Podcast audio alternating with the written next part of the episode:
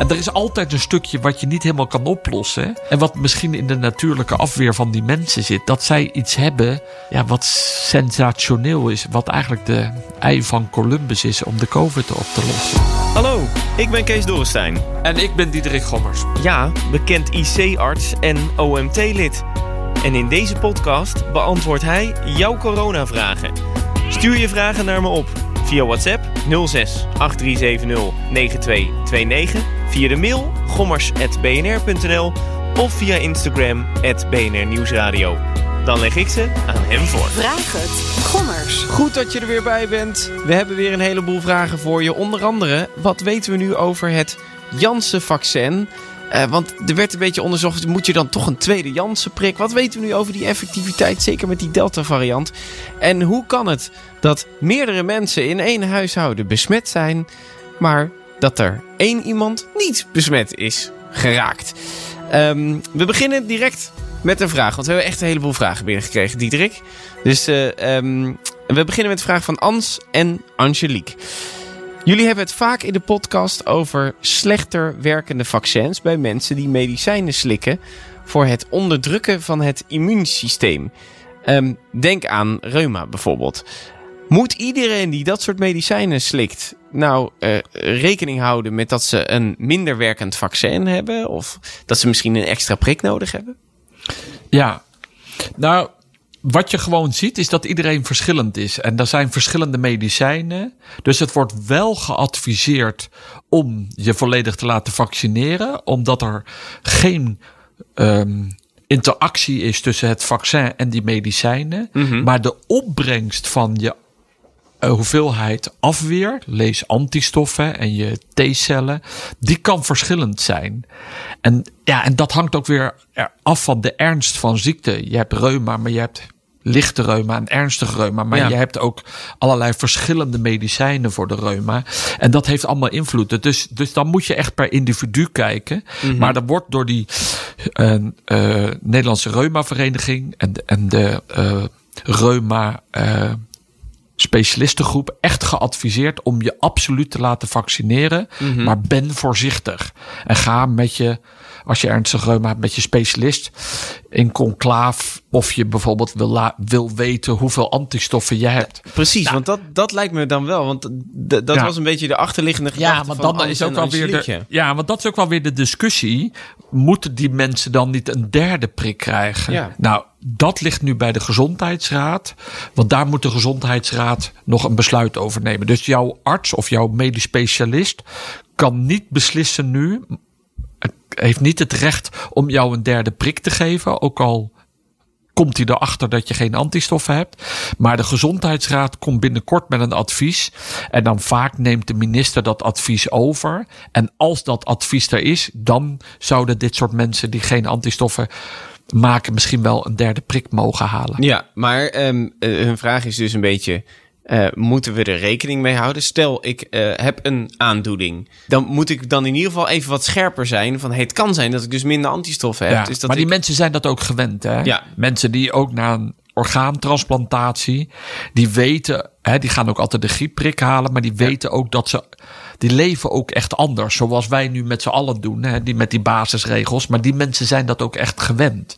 Die gaan niet bij een snotterig kind met een kind spelen, snap je? Nee. Want zij lopen gewoon een verhoogd risico. Dus vaak zit dat al ja, ingebakken in hun gedrag. Precies, nou hou daar dan rekening mee. Geert, Barbara en Freek, die zeggen... kijkend naar de cijfers van nu in vergelijking met vorig jaar... dan zou je eigenlijk een dalende lijn verwachten vanwege al die gevaccineerden. Het tegendeel is echter het geval. Hoe is dat te verklaren? Ja, ja, daar hebben we het in de vorige podcast uitgebreid over gehad. Maar de Delta-variant die gooit echt goed in het eten. Ja. Dus we hebben nu eh, 230, en ik weet niet precies, maar zo ruim boven de 200 patiënten liggen op de IC. Terwijl we een jaar geleden met de Wuhan-variant lagen er zo'n 40. Ja, dat, dat, is echt een enorm verschil. Ja, en toen was nog niemand gevaccineerd. En nu is bijna iedereen gevaccineerd. Hè? Bijna 90% boven de 60.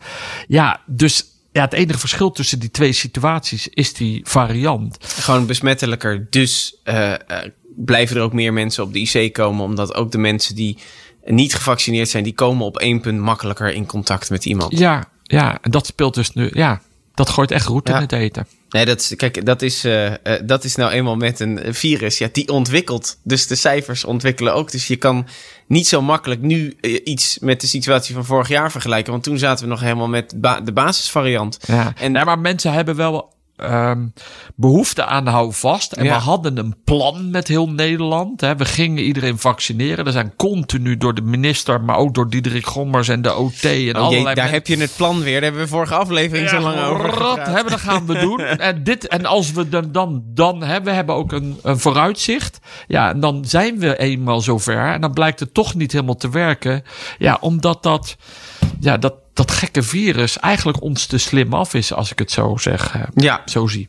precies. Eh, Jan dan, die zegt... Ik heb begrepen dat vaccinaties zoals de DKTP... DKTP, dat is... eh, Difterie, te- tetanus en pokken. Polio. polio. Ja, en de K dan? Kinkhoest. Kinkhoest. Ah, inderdaad, wat goed. Ja. Je hebt, je hebt, de basisinformatie ben je nog niet van diep, hoor. Ja, dit is echt zo'n de slimste mensvraag is dit. Waar, waar staat dan de K in eh, DKTP Oh, voor? Eh, bij deze. Je weet het als je op de bank zit en zit te kijken. Ehm, maar ook mazelen. eh, die zouden gedurende enkele jaren herhaald worden, toegediend. En zo is, krijg je dan een situatie dat een kind er vanaf zijn negende genoeg beschermd is. En dat we daarom die malle ziektes niet meer hebben. Nou, hij zegt dat is natuurlijk hartstikke top. Is dat omdat pas door herhaalde vaccinatie het lichaam eh, op een goed moment zelf eigenlijk standaard genoeg afweerstoffen maakt? Of is dat omdat een kind van een jaar of tien sowieso niet meer gevoelig is voor deze ziektes? Ehm, dat laatste lijkt het me niet, toch? Nee, het blijkt zo, hè. we hebben vorige week ook over gehad. Dat als je, als je het versimpelt, word je geboren zonder afweer. Je krijgt een beetje antistoffen van je moeder, maar die blijven niet lang. Dus je moet in contact komen. Of je kan vaccineren. En vaccineren. ehm, maakt jouw lichaam, bij de baby in dit geval, maakt antistoffen aan. Nou, ook daar moet je die boost geven. Nou, dat hangt een beetje van, van, ehm, van, de, van het virus af of van het vaccin af. Nou, en het blijkt zo, en dat is natuurlijk veel onderzoek gedaan, dat je dan bij mazelen moet je tot je negende jaar en dan heeft het gros van de mensen heeft voldoende lang afweer. Maar je weet op het moment dat je ouder wordt, en nou ja, laten we zeggen boven de 60, ik weet niet precies. Maar dan wordt het ook wel weer minder. Dus soms eigenlijk als je dan het risico loopt dat je weer contact hebt met mazelen of de mazelen flakkert op in Nederland. Ja, dan is het wel, dan krijg je misschien wel weer een oproep om die vaccin te gaan Oh, halen. Snap je? Want dus- het is hetzelfde als we nu bij COVID zien. Ja, oudere mensen maken op een gegeven moment neemt Ja. de antistoffen nemen af. Maar het is dus zo bij die DKTP-prik, die krijg je een paar keer gedurende je jeugd. Ja. En dan vanaf je negende heb je daar eigenlijk omdat je een paar prikken hebt gehad, heb je, eh, doet je lichaam, eh, heeft er een genoeg eh, goede basis. En dan kan je in ieder geval tot je zestigste door. Dat is Ja, dan een beetje zoiets. het, eh, het idee. Oké. En hij zegt, hoe zit dat dan met het COVID-vaccin? Moeten we dat dan eigenlijk ook niet eh, eh, doen? Gewoon eh, om de zoveel jaar een prik en dan heb je uiteindelijk een soort van genoeg basis. Nou ja, dat gaan we zien. Dat gaan we echt Ja, zien. Ja, dat weten we nog niet. Dat weten we gewoon Nee. niet. Hè. We, hadden, nou, we waren al helemaal blij dat, dat het, het vaccin er kwam. En toen hebben we in het begin van dit jaar ook allerlei voorspellingen gedaan. Hoe lang zou het werken? Nou, Een jaar, anderhalf jaar. Mhm. Ja, je krijgt nu de eerste berichten uit Israël. Dat bij oudere mensen na zes maanden toch de activiteit wat afneemt. Mhm. Om COVID-achtige klachten te nemen. Maar dan gaat het van 95 naar 85 procent. Hè? Ja. Dus het is 10% minder effectiviteit. Hè? En bij de AstraZeneca gaat het dan van 67 naar 61. Ehm, om dan lichte klachten te krijgen. Ja, precies. Dus eh, wat dat betreft moeten we op den duur even gaan kijken van wanneer is het zo erg afgenomen dat... Ja, en, en, en, en dan, hè, omdat we natuurlijk ook. Dit is natuurlijk niet een hele makkelijke podcast. En dan is er ook nog zoiets als die cellulaire afweer.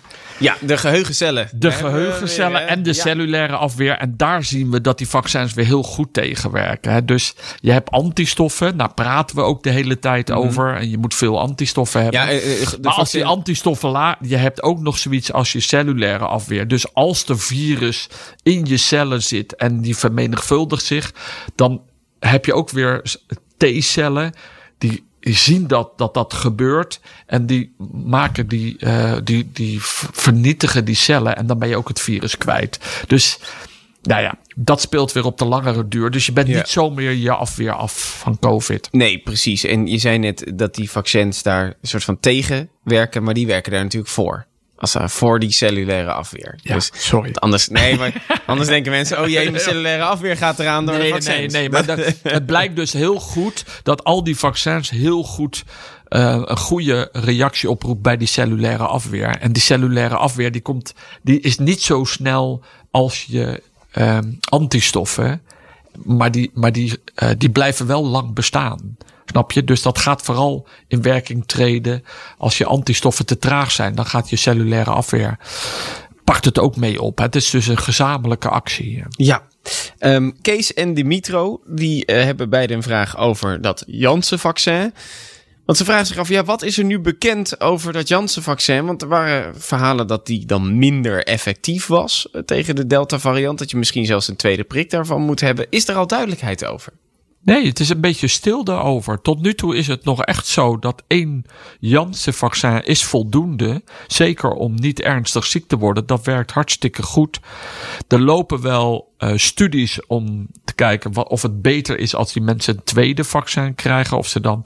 Maar ik heb nog geen recentelijke studie gelezen. Dus als iemand dat wel heeft, stuur het op. Um, ja, WhatsApp. Ga, kunnen we hem bespreken? Daar gaan we naar kijken. Ja, misschien ja. hebben we hem gemist in ja, Science Misschien heb ik hem gemist of... in al die drukte. Maar ik heb hem nog niet gehoord uh, of gezien. Nee, en dat is op zich vaak uh, geen goed teken. Want jij krijgt altijd wel de belangrijke studies uh, krijg jij opgestuurd. Nou ja, of in ieder geval er vragen. Hè. Met deze podcast krijgen we wel, best wel veel vragen. Of als er angst is, dan, dan zijn er uit. zeker weer mensen die dat dan doorsturen aan ons. Precies, Dus uh, mocht je hier al wat over gezien hebben, stuur het vooral naar ons door. Um, Annemarie dan, zij zegt: Ik heb long-COVID en heb een vraag over de antistoffen. Ik ben in januari en april van dit jaar positief getest op corona. In mei heb ik een antistoffentest gedaan. Mijn IgA-waarde was in mei 2,45. Mijn IgG-waarde was uh, 84,17. In juni heb ik mijn eerste prik gehad, maar ik twijfel nog steeds over die tweede prik, omdat ik ook verhalen heb gehoord over dat mijn long COVID erger kan worden daardoor. Kan het erger worden en bij welke waarde antistoffen moet ik nog een prik? Ja, hele logische vraag. Um, maar er is geen onderzoek, snap je? We hebben nooit eerste prik, tweede prik, uh, COVID tussendoor. En we hebben allerlei studies gedaan en dan op die antistoffentiters, hè, de concentraties gemeten. Dus wat er, wat er nu bekend is voor long-covid, zeggen ze. Ja, het is eigenlijk niet zo goed bekend waarom je de een wel long-covid klachten heeft en niet. Hè? Dus vooral vermoeidheid en zo voort, maar ook andere klachten. Soms helpt het vaccin omdat je ook weer antistoffen maakt. En een idee is, maar dat wil niet zeggen dat de, de oplossing is, dat je toch bij long COVID nog een rest hoeveelheid klein beetje virus hebt en dat je lichaam dat dan door die vaccinatie extra opruimt.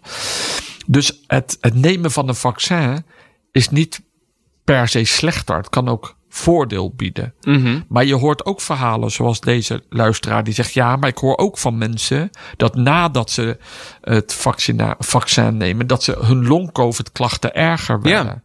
Ja. ja, maar ieder individu is anders. Um, dus als je zegt van. Ja, kijk, die 84 is op dit moment genoeg. Ik, mm-hmm. ik heb ooit gehoord dat 40 boven de 40. Dus je zou kunnen zeggen, ja, je hebt voldoende antistoffen. Ja, want ze twee keer gehad. De, en ook nog eens een vaccin. Ja. Dus ja, eigenlijk is op dit moment zou ze voldoende hebben. Um, we zeggen ook, en dat is een beetje de algemene regel, maar die is natuurlijk voor iedereen. Ja, als je kans krijgt om twee keer te vaccineren, dan heb je maar optimaal, ben je optimaal beschermd. Maar, mm-hmm. maar in, in haar geval, ook al hè, kan ik het niet helemaal precies bekijken, zou ik zeggen, ja, als je twee keer COVID hebt gehad en dan nog een vaccin, kan ik me voorstellen dat je besluit dat het genoeg is.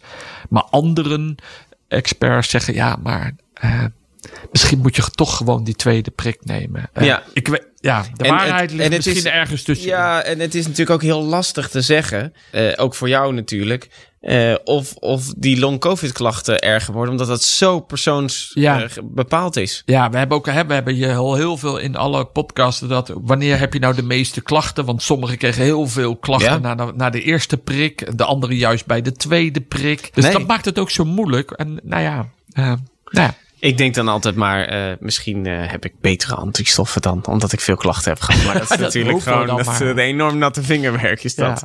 Eh, Rens dan, die zegt, we kunnen nu twee zelftesten bestellen vanuit de overheid om thuis te doen. Wordt ook aangemoedigd om die dan bijvoorbeeld te doen. Stel je gaat naar een grote verjaardag. Hey, doe even een test en dan weet je hoe, hoe goed je zit wat dat betreft. Of je besmet bent of niet. Maar herkennen die testen het virus wel als je geen klachten hebt? Want ze zijn natuurlijk minder secuur. Daar hebben we het eh, een paar weken geleden over ze gehad. zijn minder secuur en hij heeft wel een beetje gelijk. We merken nu dat ze zijn minder secuur en daarom wordt er ook altijd geadviseerd: ga nog naar de GGD om een PCR-test te doen. Ehm, en ze zijn nog minder secuur als je geen klachten hebt. Dus ze zijn iets beter secuur als je wel klachten hebt. Maar het is wel zo dat als ze positief zijn, dan zijn ze ook echt positief met een PCR-test. Dus ze zijn minder secuur als ze negatief zijn. Ja, Dus als je hem doet en je bent positief, nou dan, dan ben je ook echt positief. dan ben je echt positief. Alleen Ja. als, als je ze doet en je bent negatief, ja, dan kan het stiekem misschien zijn dat je toch eigenlijk positief bent, maar de test is niet gevoelig genoeg. En als je het dan beter wil weten, dan zou je een PCR-test moeten doen. En dat hoor je ook vaak van mensen die zeggen: Ja, ik heb zo overduidelijk klachten. Maar de, de sneltest die zegt dat ik negatief ben. Maar Ja. ik, denk ik het moet het echt. gewoon ja, hebben. dan zou je voor de zekerheid naar de GGD kunnen gaan en de PCR-test. Ja, dit soort verhalen heb ik wel gehoord van eh, mensen die dan in eerste instantie een negatieve eh, sneltest hadden gedaan en een paar dagen later een positieve. Dus dan is het blijkbaar gewoon, hebben ze meer deeltjes eh, erbij gekregen, zijn ze wat Ja. zieker geworden en daardoor zagen ze het wel. Ja. Dus wat dat betreft, mocht je dan naar een hele eh, groep gaan waar heel veel risico eh, mensen in zitten, Nee, maar- ja, maar- dan, maar- dan ja. kan je je altijd nog even Nee, testen, maar laten eigenlijk moet je hem dus, hè, als, je het, als je het zo ziet voor verjaardagen in risicogroepen, doe dan wel die test. Want als die positief is, ja, dan weet je zeker dat je thuis moet blijven. Ja, precies. En als je het dan echt niet echt nog zeker wil weten, ja, dan moet je alsnog Ja. een testafspraak maken. Ja. om dat te doen. Veronique, die zegt, kan Diederik nog eens uitleggen waarom, als het gaat om bescherming van anderen, het beter is gevaccineerd te zijn, terwijl je, als je gevaccineerd bent, dan eh, toch besmet kunt raken en dus ook andere mensen kan aansteken. Ja. Nou, dat hadden we heel de tijd. Hè. Ik bedoel, kijk, de risico's zijn wel kleiner, maar ze zijn niet meer nul. Nee. En dat maakt het zo lastig in die hele discussie. Ja, want Dus- eerst was het van je neemt het vaccin om anderen te beschermen. Maar ja, Ja. ik snap Nou, wel dat en, ze zeggen... en ja, nu, maar en kan- nu met die. Delta-variant merken we nu dat er toch steeds meer mensen zijn die toch wel eh, besmet raken, maar gelukkig niet ernstig ziek. Mhm. Maar je raakt wel besmet, maar de kans is toch weer kleiner dan als je niet gevaccineerd bent. Ja, En, en zo moet je het een beetje zien. Dus als je gevaccineerd bent, dan is het niet meer dat je 0% dat je het niet wordt. Maar dat was het al niet, hè? want de ene AstraZeneca was voor 67%, die andere voor 4%. Dus we wisten ook wel dat je het doet. Je, je krijgt nu alleen meer doorbraakinfecties. Dus je kunt ook wel gevaccineerd zijn. Maar zie je met die Delta-variant dat je meer risico loopt dat je toch besmet raakt, licht. Maar het is echt, de kans is minder dan als je ongevaccineerd bent. En daarom moet je je laten ja vaccineren. het is gewoon een kansberekening. Ja, en de kans is echt een stuk minder dat je ernstig ziek wordt. Ja. En Dat is eigenlijk, dat doe je echt voor jezelf. Nee, precies. Want eh, jij hebt ook uiteindelijk mensen op de IC gehad eh, deze, deze winter. Eh, die dachten dat ze helemaal fit waren. Maar die bleken eh, onderliggende klachten te hebben waar ze niks van wisten. En dat kwam in één keer naar boven toen ze een coronabesmetting hadden. Dus Ja. het kan altijd een pechgeval zijn Ja, maar dat je zoiets hebt. Ja, en er zijn ook soms, ja, bedoelt, het is een kleine groep. Maar ja, dat waren ook wel veertigers en ook wel dertigers. En het wordt steeds kleiner. Maar we hebben ook mensen gehad tussen de 20 en de 30. En dat Ja. zie je nu ook bij die zwangeren. Die zijn tussen de 20 en de 35. Maar het zijn eigenlijk jonge, jonge vrouwen. Ehm, nou ja, de zwangerschap doet wel iets met je lichaam. Die verandert ja, een stukje fysiologie. Maar, maar het zijn wel gewoon gezonde mensen die zwanger zijn. Ja. Ehm, dan eh, één vraag. Eh, we hebben het er wel eens over gehad. Al een tijdje niet. Dus ik dacht, ik eh, stel hem nog een keer. Jacob, Hanneke, Willem, Emma en Sigrid. Daarna ben ik even gestopt met eh, noteren, want ik krijg ze toch nog wel heel vaak binnen. Die zeggen, waarom horen we niks meer over het gebruik van ivermectine? En ehm, nu klopt dat niet helemaal wat ze zeggen, want de FDA die heeft laatst nog expliciet getweet van... Het is echt een paardenmiddel. Eh, je moet dit niet eh, gaan gebruiken. Het is Nee. niet goed. Maar ik dacht, het is misschien wel goed om nog even Ja, uit te leggen kijk, voor die mensen. Ja, de- het is dus eigenlijk een anti-wormmiddel. En er is veel op het social media gezegd dat dat, hè, en vaak in combinatie, maar dat ivermectine echt een rol had. Er waren wat kleine studies. Ehm, ehm, maar die lieten een signaal zien, maar niet overduidelijk. En toen is er wel gezegd in grotere studies waar mm, verschillende ziekenhuizen en in verschillende landen hebben ze dat middel, nemen ze nu mee in, in, in, om te kijken of het daadwerkelijk wat doet. Dus, hè, dus echt goede opgezette studies om te kijken of er wat meer. Tot nu toe, de studies die verschenen zijn, laten geen positief effect zien. En dus gebruiken we het niet. Nee. Dus zodra er medische internationale studies zijn die laten zien dat het werkt, dan gaan we het inzetten. Maar op dit moment is er gewoon geen bewijs. En maar, en daar moeten we ook een beetje mee oppassen. Sommige mensen die drijven dan zo door dat ze bijna de dokter gaan verplichten om het te geven. Ja. jongens, je kan niet een dokter, dokter verplichten eh, om iets te doen waar geen goed medisch Nee. bewijs voor is. En daar kan jij in geloven, dat is prima.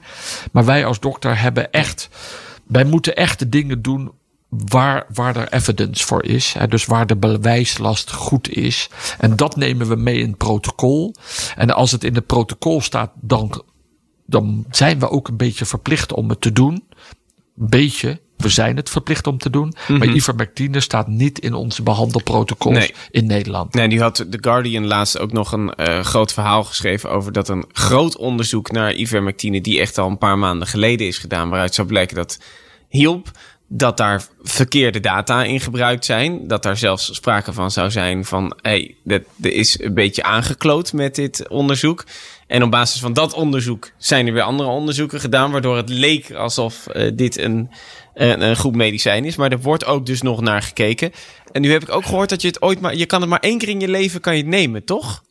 Oeh, dat is een goede vraag. Dat weet ik niet meer. nee, ja, dat is, ik dacht dat dat, eh, dat, dat zo was, eh, omdat je dan, eh, dus, dus je wilt het liefst echt voor, voor de ziekte waar het echt voor bedoeld Ja, is. het is voor worminfecties. Hè? Ja. Daarvoor geef je het. Precies. Dus anders zit je met je wormen en dan, en dan kan je niks meer er tegen nemen. Oké, maar dat is een goede opmerking. Die zoeken we op. Ja, die, die, die gaan we even opzoeken. Oké, ehm, Egbert, die zegt... Het RIVM zegt dat ongevaccineerden vroeg of laat COVID zullen krijgen. Kan ik hieruit concluderen dat juist de gevaccineerden de ongevaccineerden gaan besmetten? Ja. Ja. En, en dat is, daarom is het zo anders. We Ja. dachten eerst dat we kudde-immuniteit gingen krijgen. Dat we die mensen die nog niet gevaccineerd zijn, dat we die zouden beschermen met de eh wel gevaccineerden, omdat die de, niet besmet zouden raken en het niet door zou geven. Ja, nou, we hebben nu gehoord van de verschillende andere vragen dat de Delta-variant dat toch meer doet. Ja, en dus lopen die mensen echt risico. En dus is de stelling van de RIVM, en die onderschrijf ik wel. Ja, eigenlijk kan je er vooruit, vanuit gaan. Dat je het ooit een keer gaat krijgen. Ja, dat al die mensen die niet gevaccineerd zijn, die krijgen gewoon COVID. Maar dat wil niet zeggen of je het ernstig krijgt, maar je krijgt COVID. Ja. Nou, bij, bij deze. Lekker, ook eens even snel een vraag beantwoord. Mooi, door naar de, naar de volgende. Ehm, Ellen, die zegt, ik ben ruim 30 jaar donor. Ehm, ik geef vol bloed en inmiddels geef ik alweer een hele lange tijd plasma. In de coronatijd durfde ik eigenlijk geen plasma te geven. Iets in mij zei, eh, ja, ik moet dat eigenlijk voor mezelf even be- bewaren. Want misschien heb ik dat wel nodig om me extra te beschermen. En dat laatste speelt dan ook mee dat ik het nodig vond omdat ik mantelzorger ben van mijn stokoude ouders. En mijn werk in het onderwijs zorgt ervoor dat ik extra bang ben voor een besmetting. Dus ze, ze dacht, moet ik het wel geven, want ik heb eigenlijk mijn plasma zelf nodig. Ik word nu weer uitgenodigd om plasma te geven. Kan dat zonder problemen? Nou, ik vind wel dat ze er goed over nagedacht heeft. En kijk, als je donor bent, dan, ja, dan lever je echt wat in. En als je gezond bent, dan maak je al die stoffen weer aan. Hè? Dus het grootste gedeelte van je bloed bestaat uit rode bloedcellen. Nou, dan, dan gaat je beenmerg rode bloedcellen maken en dus uh, komt dat weer terug. Maar ook je antistoffen, ja, die moeten dan aangemaakt worden. Maar dan moet je eigenlijk wel weer een boostreactie hebben. Dus ze heeft wel een punt. Dat als je doneert en je levert x percentage van je plasma in. Mhm. Dan lever je ab in absolute getal lever je ook je antistoffen in. Ja, en als je er dan, dan daarna moeten die antistoffen door je lichaam wel weer aangemaakt worden. Oké. Ja, um, en dus heeft ze een beetje gelijk. Wauw. Dus, dus het is, de, haar voorzorg is dus Ja, is terecht geweest. Ja. Want En- maar en- dat bloedplasma, dat leef je toch in en dat wordt daarna toch weer een beetje Ja, nee, aangevuld. maar, maar, ja, wel, maar er zit in plasma, hè, dat is zeg maar het waterachtige gedeelte. Er zitten Mhm. allerlei stoffen opgelost. Eiwitten, maar ook ijzer en allerlei andere eiwitten. Maar ook je antistoffen. Ja, die worden dan. Die moeten dan wel weer gemaakt worden. Snap je? Die, dit albumine, ja, dat moet gemaakt worden. Of uit je voedsel. Maar dat, snap je? Je lichaam moet daar weer mee aan de slag. Want je hebt een stukje ingeleverd. Mhm. Ehm, ja, en zo maak je ook rode bloedcellen en witte bloedcellen aan. Oké. Dus je lichaam moet gewoon weer hard werken om die stoffen aan te Maar maken. geef je dan eigenlijk een deel van je korte termijn antistoffen Ja, geef je- geef je weg. Ja. Maar je hebt altijd natuurlijk nog die T-cellen. Die, Ja, maar eh, je, je hebt ook nog antistoffen, maar ze zijn wel minder Ja, oké. Nou, de- neem dat mee in de keuze, Ja. zou ik zeggen. Ehm, ja, dan die vraag waar, we, waar ik het aan het begin over had. Die komt van Aad. Eh, die zegt, mijn zoon, Luca, die is 20, is met twee vrienden terug van vakantie op Rodos. En met z'n drieën op één hotelkamer. Alle drie zijn gevaccineerd. Eh, na terugkeer alle drie getest. Twee vrienden hebben corona opgelopen en zijn ziek geworden. Mijn zoon is niet ziek geworden. Hoe kan dat? Ja. Ja, je zou het dan zo graag willen onderzoeken. Hè? Heeft hij dan toch niet stiekem eerder al COVID gehad en had hij dus gewoon antistoffen terwijl hij het niet goed weet? Ja, of is die, ja, heeft hij toch wat verder eh, ja, eh, afgelegen? Of hebben die twee vrienden van hem ergens iemand ontmoet? Of meer contact gehad en hij niet, dus hij kreeg te weinig. Of zijn lichaam heeft, ja, kan toch goed met dat COVID omgaan, snap je? En dat is het zo moeilijk. Er zijn allerlei factoren. Maar we hebben het vaker gehoord, hè, dat hele gezinnen ehm, COVID hadden, maar één iemand niet. Dat, soms de vader, soms de moeder, soms een van de kinderen.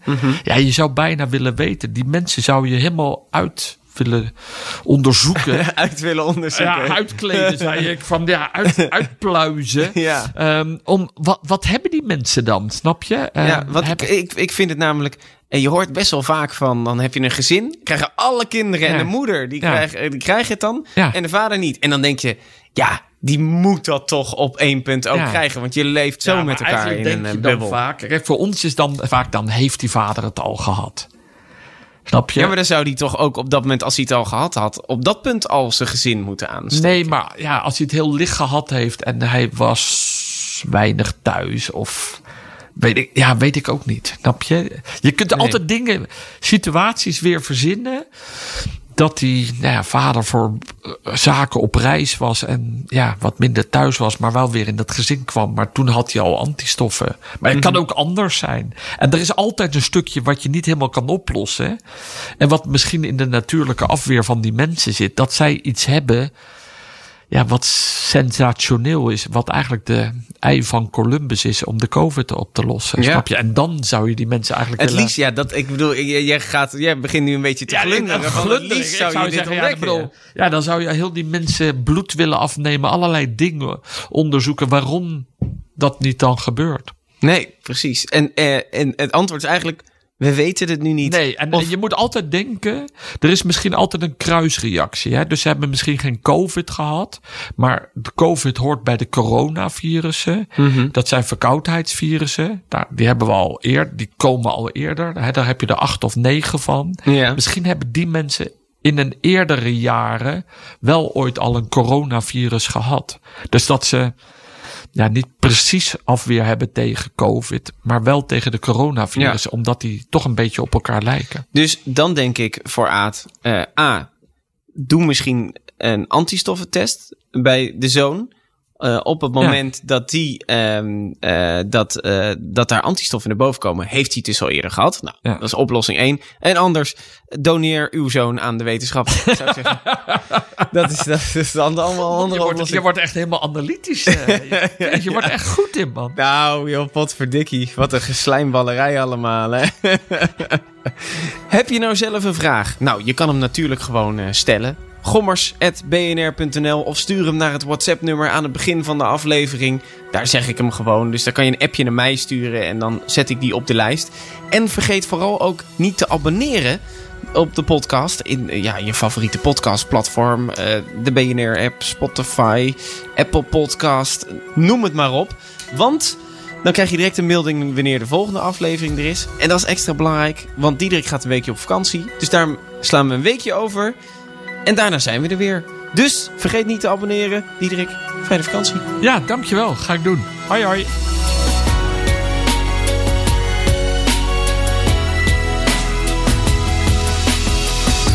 Vraag het. Gommers. Gommers.